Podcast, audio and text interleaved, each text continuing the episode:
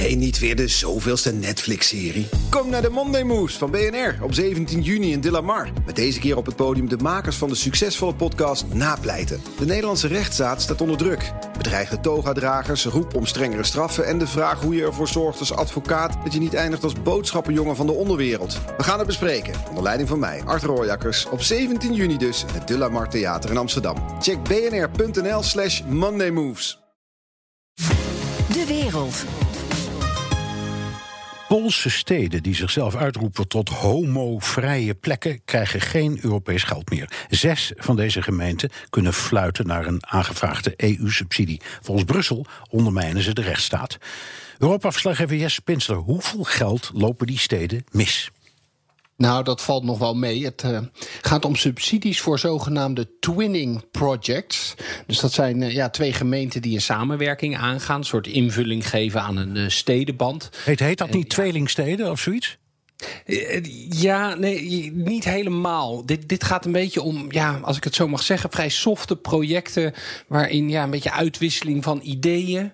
ter promotie van Europees burgerschap. Nou ja, dat soort. Uh, ik, ik zal je een paar titels geven van net goedgekeurde projecten. Our History is the European Future. 25.000 euro uh, naar Hongarije. En uh, ook in Hongarije voor iets minder geld. De International Week on the European Dimension. Ik weet niet precies wat wat ik ervan moet maken. Maar je, meer dan 25.000 euro subsidie krijg je er niet voor. Nee. Nou ja, maar die zes steden in Polen, die, die gaan het niet krijgen. Het, het is ook een beetje te gek voor woorden. Welke reden geven ze in Brussel uh, op voor het niet toekennen van die EU-subsidies? Nou, het begon met een tweet van de eurocommissaris Helena Dali. Die, uh, dat is twee dagen geleden alweer. Die had het over de fundamentele waarden van de EU die gerespecteerd moeten worden. En nou, inmiddels twee dagen later is, uh, ja, zijn die, die zes Poolse stadjes die zijn op het hoogste niveau van de Europese Commissie terechtgekomen.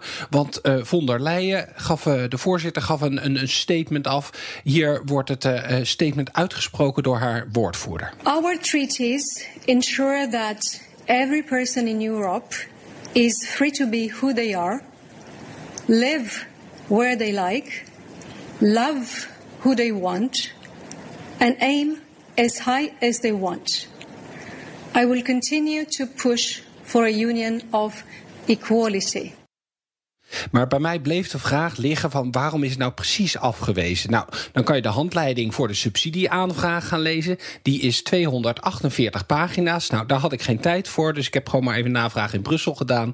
En ja, daar staat ergens in die, die criteria voor dit soort subsidies dat de projecten niet discriminerend mogen zijn. Dat er gelijke kansen, uh, onafhankelijk van seksuele geaardheid, staat er zelfs in geformuleerd. Nou, en dan is er een probleem, want er zijn inmiddels 30% van de Poolse gemeenten met name in het zuidoosten van het land, die hebben dus zo'n ja, anti-homo, anti-LHBT-zone ingesteld. Dat zijn plekken waar, nou, in de woorden van de Poolse regering, geen ruimte is voor de LHBT-ideologie. Wat dat dan ook precies mag betekenen. Kijk, dat is natuurlijk allemaal vrij symbolisch, want ja, het is dus totaal onduidelijk hoe je dat kan handhaven, omdat totaal onduidelijk is om wat voor ideologie het eigenlijk gaat. Maar het past wel in de lijn van de Poolse regering, ja. die eigenlijk alles wat zij vinden dat afwijkt, uh, dat ze dat proberen te onderdrukken. De reactie hier op uh, zeg maar de, de, de, de woorden uit uh, Brussel van de Europese Commissie was ook in Warschau dat nu de vrijheid van meningsuiting van de Polen gevaar zou lopen. Ja, het gaat dus om geld voor samenwerking met gemeenten in andere Europese steden, heb je net uitgelegd. Lopen die andere steden dan ook hun geld mis?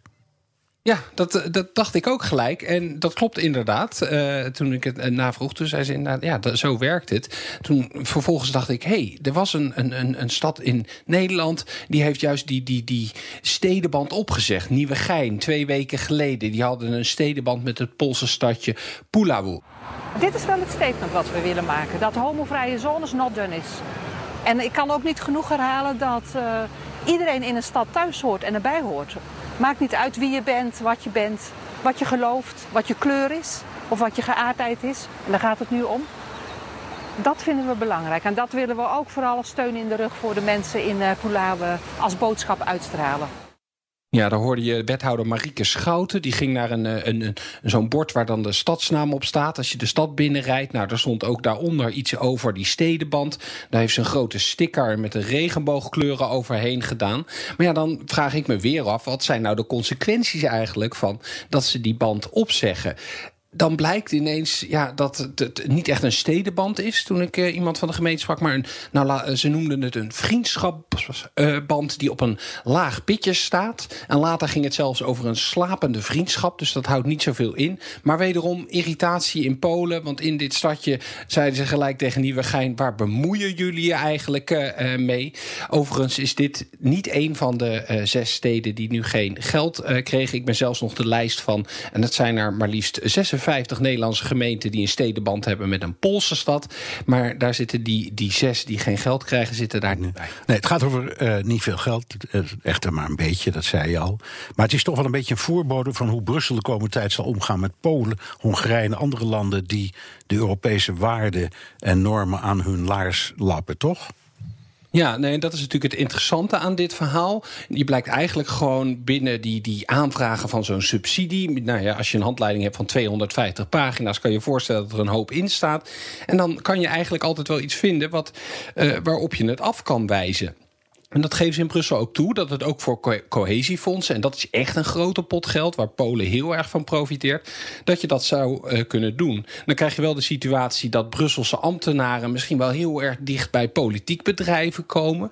Maar ja, dan ja, dat politieke vlak, daar gaat het zo moeizaam. Dat hebben we op die Europese top gezien vorige week. Daar hebben ze het ook hier over gehad, over die, die rechtsstaat, rechten van minderheden, vrije pers.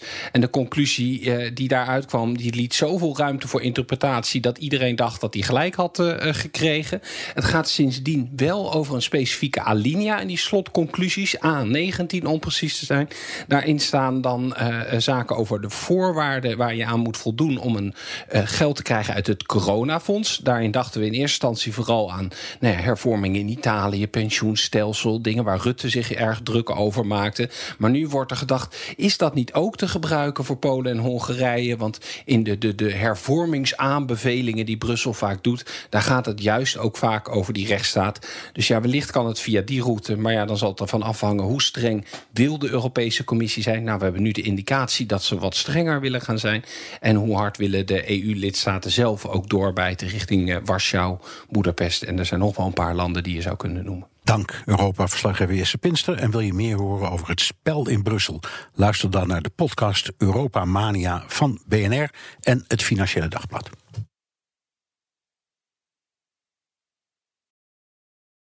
Ook Diana Matroos vind je in de BNR-app. Ja, inderdaad. Je kunt live naar mij luisteren tijdens de Big Five. Ook handig in de BNR-app. Breaking nieuwsmeldingen, maar ook het allerlaatste zakelijke nieuws.